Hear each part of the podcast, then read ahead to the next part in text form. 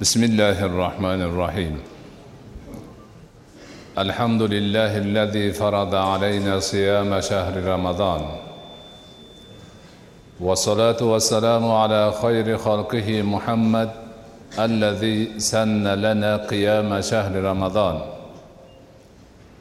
ramazon oyi ro'zasini tutmoqni bizlarga farz qilgan alloh taologa hamdu sanolar bo'lsin. ramazon oyi kechalarini bizlarga bedor o'tkazmoqni sunnat qilgan rasuli akram muhammad mustafoga salovatu durudlar bo'lsin اللهم لا سهل إلا ما جعلته سهلا وإن شئت جعلت الحزن سهلا بقدرتك يا أرحم الراحمين السلام عليكم ورحمة الله وبركاته azizlar o'n ikki oyning sultoni bo'lmish muborak ramazon oyidagi ruhiy tarbiya deb nomlangan umumiy nomdagi suhbatlarimizdan uchinchi qismi xulqlanish qismiga kirgan ma'ruzalarimizni davom ettiramiz. Avvalgi ma'ruzalarimizda bandalar allohning o'zi izn bergan allohni xulqlari bilan xulqlanish allohning sifat va ismlaridan nasibador bo'lishlari haqida bir necha suhbatlar o'tkazdik. Oxirisida e, allohning aziz ismidan bandani nasibasi qanchalik bo'ladi degan unvon ostida suhbat qurgan edik. Bugun o'sha mashhur sahih hadisda alloh subhanahu va taoloning go'zal ismlaridan to'qson to'qqiztasini sanab o'tgan hadisda kelgan allohning ismlaridan biri o'ttizinchi ism al adl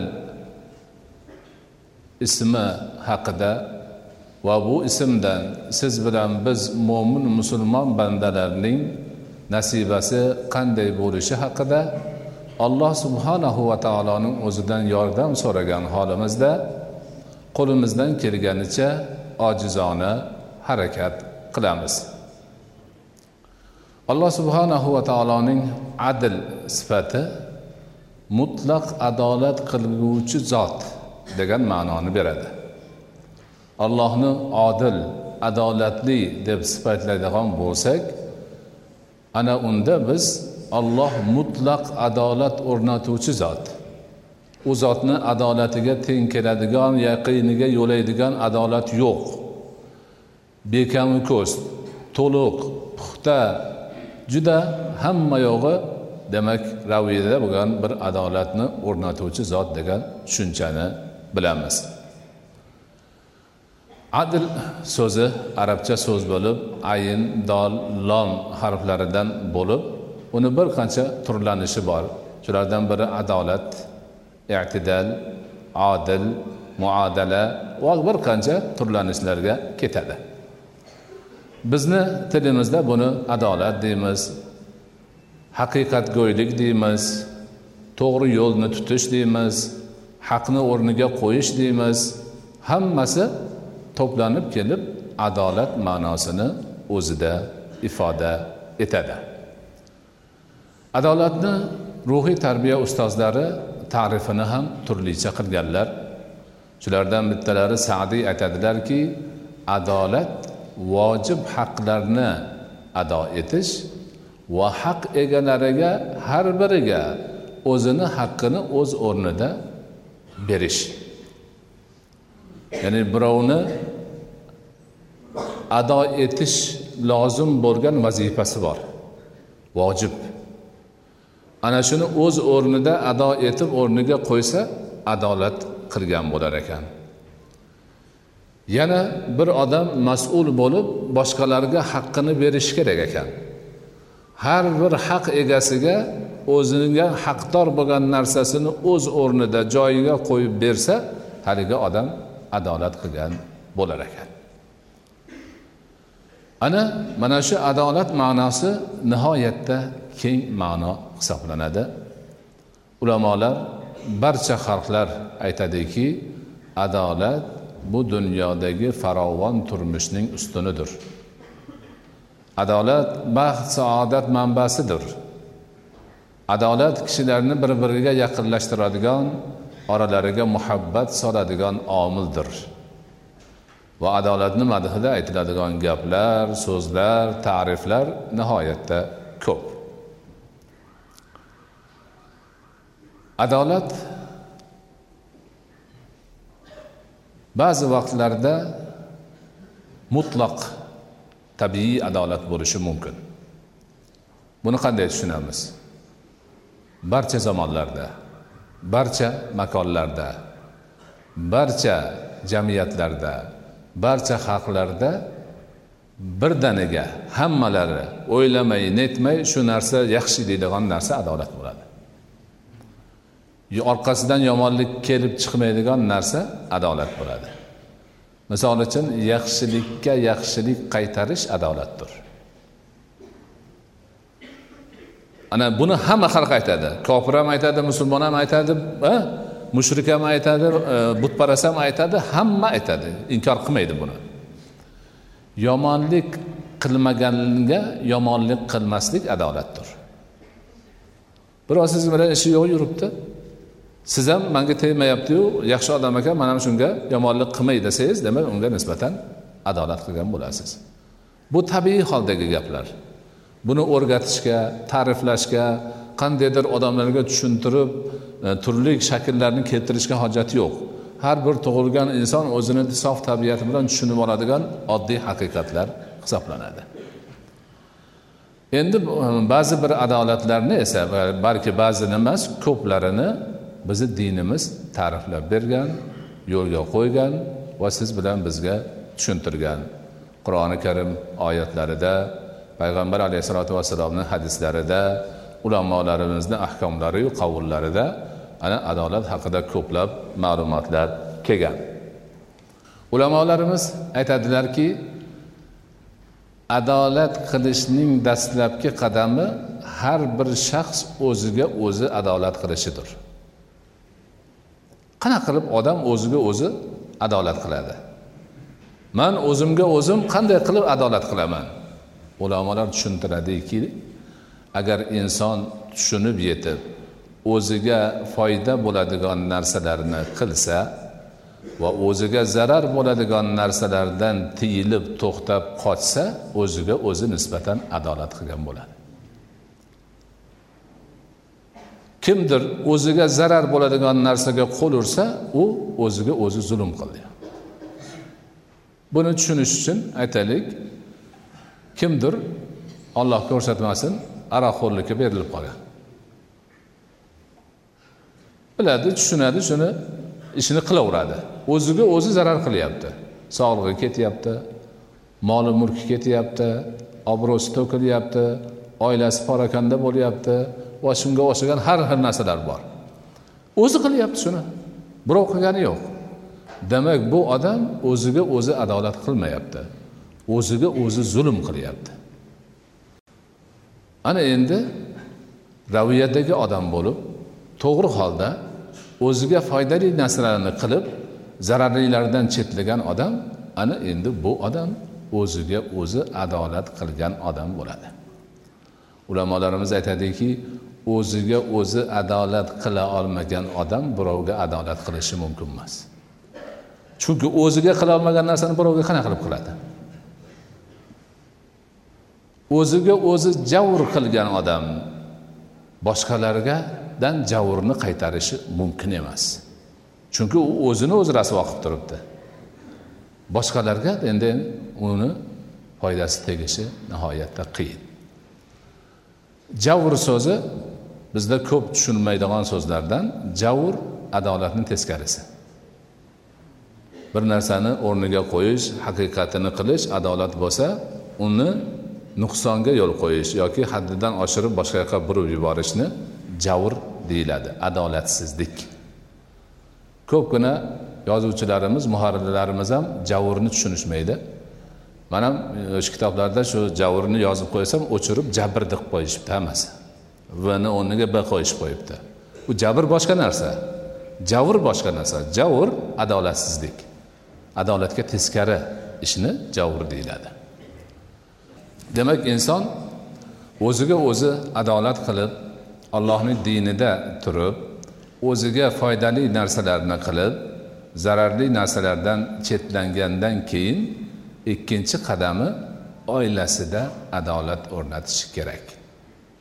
Mo'min musulmon odam o'zining oilasida adolat o'rnatishi kerak. Rasuli akram alayhissalotu vassalomning azvoji mutahoratlaridan oysha onamiz roziyallohu anha aytadilarki rasuli akram alayhissalotu vassalom zavjayi mutahharalari orasida adolat o'rnatgan edilar. Ya'ni onalarimizni barchalariga bir xilda adolatli muomalada bo'lardilar. Va allohga iltijo qilib olloh man o'zim molik bo'lgan narsada qo'limdan kelgan adolatni qildim. Endi man molik bo'lmagan o'zing molik bo'lgan narsada mani kechirgin derdilar adolat oiladagi adolat. Er xotinni o'rtasida ana bir birini hurmat qilish bir birini haqqini ado qilish o'zini vazifasini bajarish bilan bo'ladigan bo'lsa ota onalarga bolalariga nisbatan adolat qilish ham bizning dinimizda topshirilgan. Hatto mehr ko'rsatishda. Kichik go'dak bolalarni erkalashda o'pishda bosinishlasda ham teng bo'lsin. Biriga ortiqcha bo'lib biriga kam bo'lib qolmasin. Rasuli akram alayhissalotu vassalom sahobalar bilan suhbat qurib o'tirgan edilar. Sahobiylardan birining huzuriga o'g'ilchasi yugurgilab keldi. Ota bolasini qo'lidan ushlab boshidan siladi peshonasidan o'pdida o'ng soniga o'tkazib quchoqlab oldi. Suhbat davom etaverdi. Bir muddat o'tgandan keyin xuddi o'sha sahobiyni qizchasi yugurib oldiga keldi. Qizchani boshidan silab peshonasidan o'pib yerga o'tkazib qo'ydi. Shunda rasuli akram alayhissalotu vassalom gaplarini to'xtatib agar qizingni ham quchog'ingga olganingda adolat qilgan bo'lar eding dedilar. Haligi sahobiy darrov qizchasini olib chap soniga o'tkazib xuddi o'g'lini quchoqlagandek quchoqlaganida ana endi bo'ldi dedilar. Ana adolatni islomiy adolatni qarang. Oiladagi adolat o'zi tuqqan bolasiga qilayotgan adolat go'dak hali esini topmagan o'ynab yurgan bolachalarga qilgan adolat o'g'il bola bilan qiz bolani orasidagi teng boshini silash u o'pish quchog'iga o'tirish o'tkazish ma'nosidagi adolat. Nomon ibn bashir roziyallohu anhudan rivoyat qilinadi. Mani otam deydilar u kishi ko'tarib olib kichkina bola ko'tarib olib rasuli akram alayhissalotu vassalomning huzurlariga bordilar. Aytdilarki allohning rasuli ana nahaltu min mali li nu'mana kaza va kaza man o'zimni molimdan mana bu bolam nomanga buncha buncha berdim. Ya'ni molidan chiqarib bu no'monniki deb atab qo'yibdi. Kichkina qo'lida ko'taradigan bolasiga mulk qilib berib qo'yibdi. Shuni rasululloh akram alayhissalotu vassalomga siz ham eshitib qo'ying degan ma'noda aytibdi. Shunda rasuli akram alayhissalotu vassalam aytdilarki boshqa bolalaringga ham no'monga bergan kabi va o'sha miqdorda moldan berdingmi? dedilar. Ota aytdiki yo'q. Shunda rasuli akram alayhissalotu vassalom unday bo'lsa boshqa odamni bu ishingga guvoh qil man guvoh bo'lmayman dedilar. Illo boshqa bolalaringga ham mana shunga berganchalik bersang man guvoh bo'lishim mumkin dedilar. Ana oiladagi adolat bolalar orasidagi adolat qo'lida ko'tarib yurgan bolaga qilgan muruvvatni boshqalarga teng ko'rish ma'nosidagi adolat. Ana siz bilan biz mo'min musulmonlar muhammad alayhissalotu vassalomni ummatiga mansub kishilar farzandlarimiz orasida ana shunday adolat qilishimiz ularni hammasini teng ko'rishimiz ba'zilarini ortiqcha yaxshi ko'rib qolganlarini o'ksitib qo'ymasligimiz kerakligi. Mana bu ham adolatdan hisoblanadi. Undan keyin insonni o'z tengi jamiyatda yurgan vatandoshlari ha? O'ziga o'xshagan kishilar bilan bo'ladigan muomaladagi adolati. Buni ulamolarimiz uchga bo'lgan. Birinchisi o'zidan kattaga nisbatan bo'ladigan muomaladagi adolat. Ya'ni o'zidan yuqori turadigan. Ota ona misol uchun yoki ishxonadagi rahbari. Shunga nisbatan undan o'zidan yuqori turadigan odamga undan pastdagi odam qanaqa qilib adolat qiladi desa unga to'g'ri yo'lda itoat qiladi. Ixlos bilan xizmat qiladi. Ishlarida vafodor bo'ladi. Ana o'sha adolatdir. Demak ota onaga yoki rahbarga bo'lgan muomalasida o'ziga yuklatilgan vazifani vijdonan bajarsa o'zidan yuqoridagi kishiga adolat qilgan bo'ladi. Ikkinchisi o'zidan past bo'lgan o'zidan past bo'lgan shaxsga nisbatan adolat. Misol uchun rahbarni qo'l ostida ishlayotgan bir do'kondorni tijoratchilariga yoki qandaydir boshqa bir ma'nodagi unda adolat qanday bo'ladi? desa unda ishlarni osonlashtirish. Qiyinchilikka yo'l qo'ymaslik zulm qilmaslik doimo yaxshi muomalada bo'lishlik bilan adolatni o'rnatadi.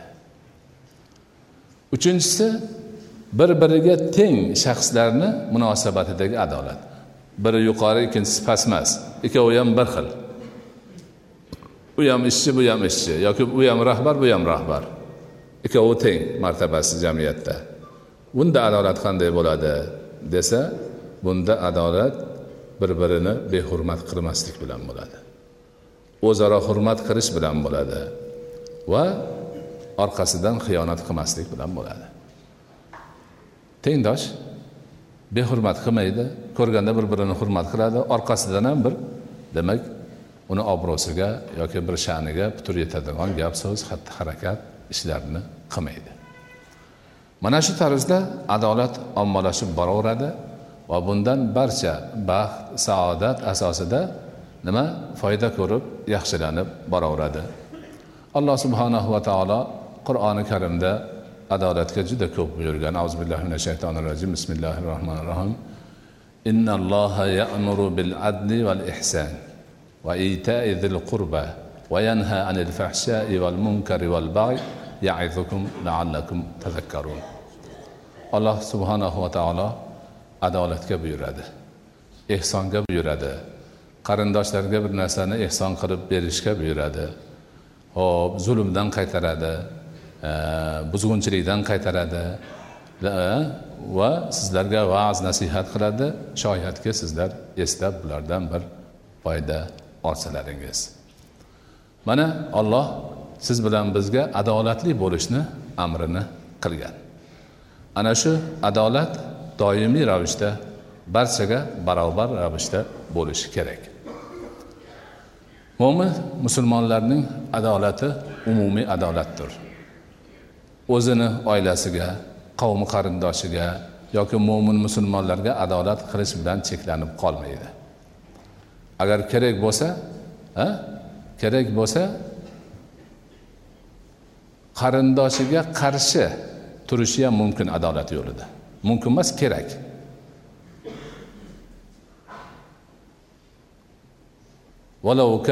Zavil qurba degan qur'onda. Adolat bilan guvohlik beringlar. Agar agar qarindoshingizga qarshi bo'lsa ham. Ikkita odam bir narsani talashib qoldi. Siz guvohsiz. Qarindoshingiz nohaq degani haq. Guvohlik ber desa qarindoshim uchun bunga beraman demaydi. Haq buniki man ko'rganman bu haqqi mani qarindoshim nohaq deydi.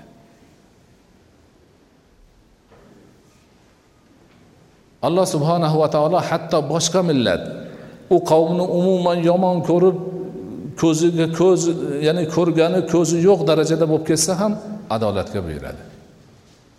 ولا يجرمنكم شنآن قوم على أن لا تعدلوا اعدلوا فهو أقرب للتقوى bir qavmni yomon ko'rmog'ingiz sizlarni adolat qilmaslikka olib kelmasin adolat qilinglar u taqvoga qaribdir yaqindir taqvoni o'zidir deydi alloh taolo bular manga dushman bularni man yomon ko'raman endi mani qo'limga tushibdi bularni bir boplay deyishga mo'min musulmonni haqqi yo'q Agar o'sha qavm yomon bo'lsa ham dunyoda eng yomon ko'rgan odami bo'lsa ham eng katta dushmani bo'lsa ham baribir haqni haqqa qo'yishi kerak.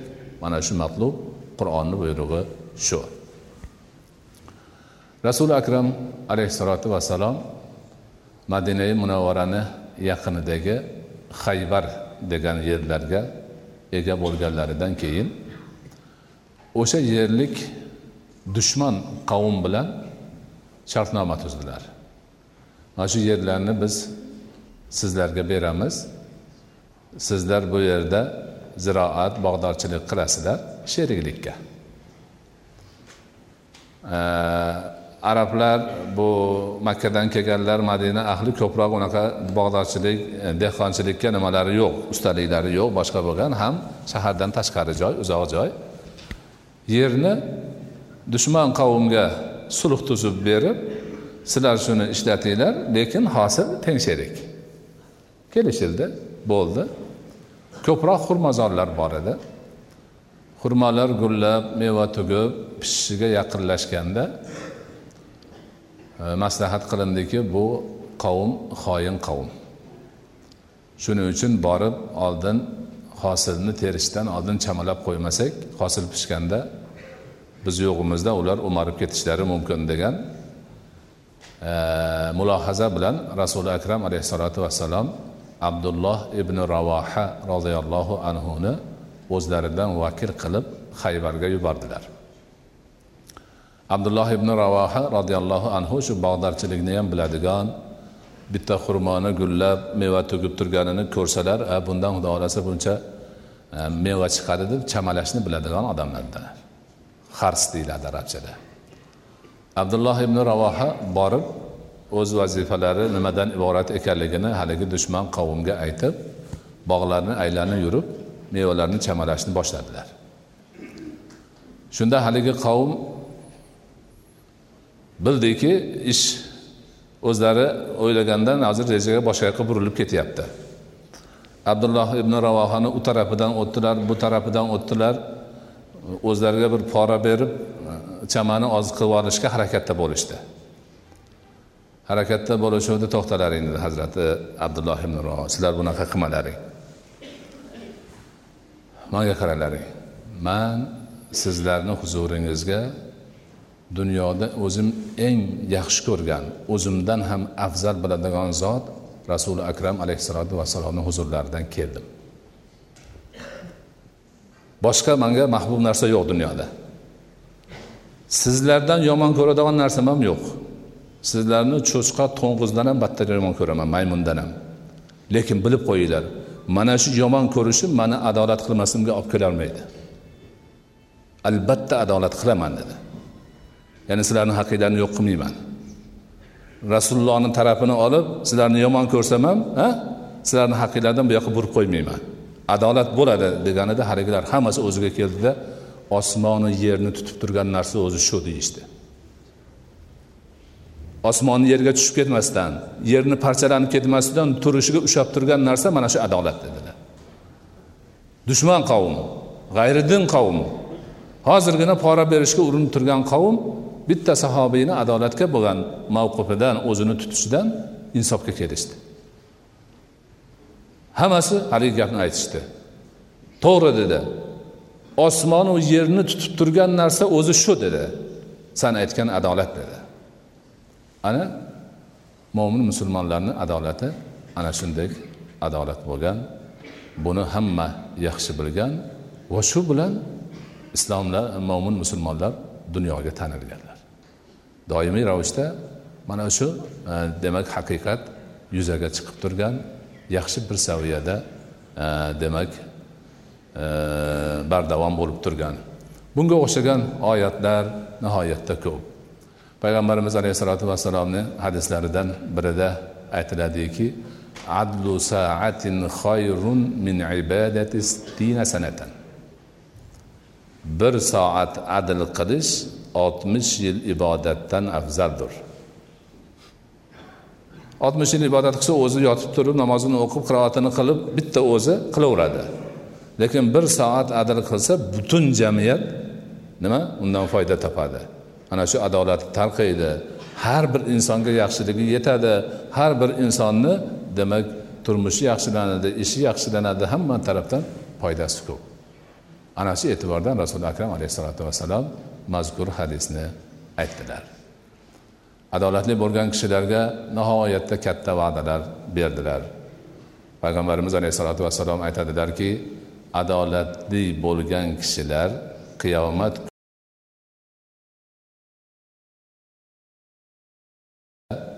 alloh subhanahu taoloning e, nurdan bo'lgan minbarlar ustida ollohning o'ng tarafida turadilar. Ana shu.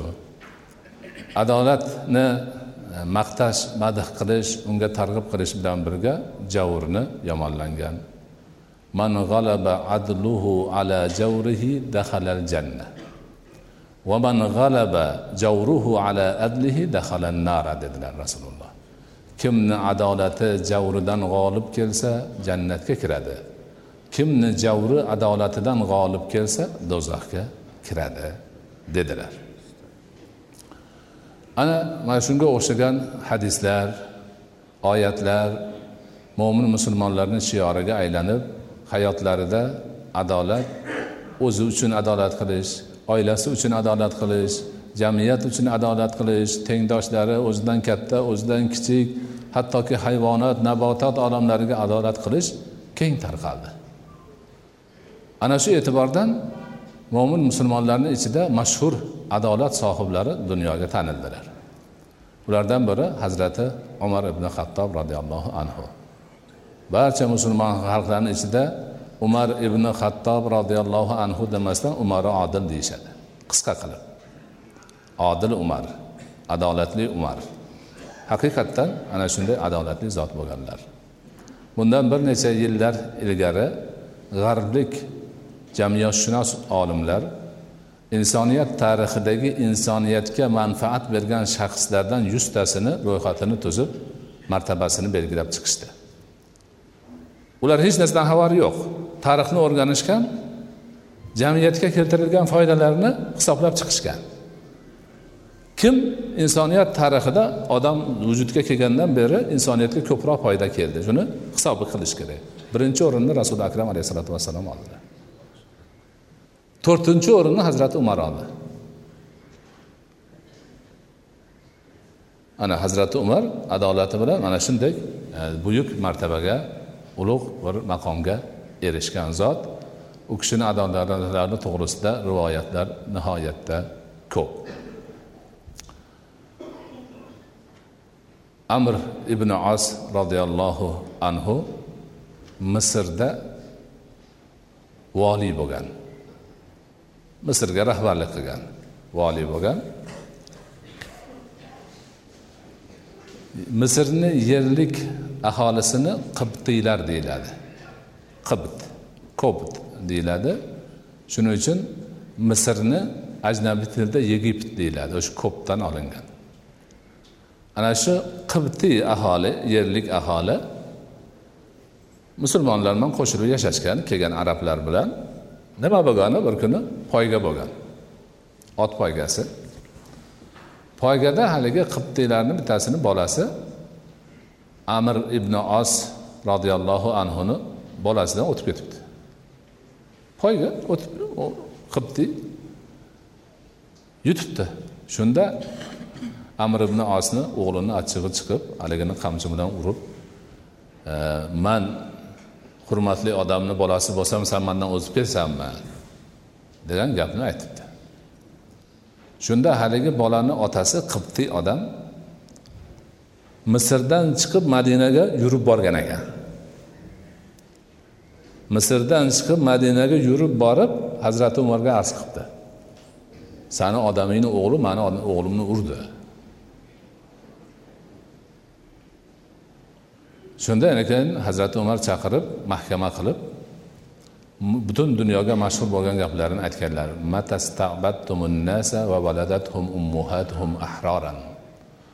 Onalari hur erkin tuqqan odamlarni qanday qilib sizlar qul qilib oldinglar degan hazrati amr ibn os bilan u kishini o'g'liga. Qo'lidagi qamchisini haligi katta yegan bolaga berib turib ol hurmatlini o'g'lini bir savalagin man o'zing bo'ldi to'ydim deguningcha ruxsat beraman degan.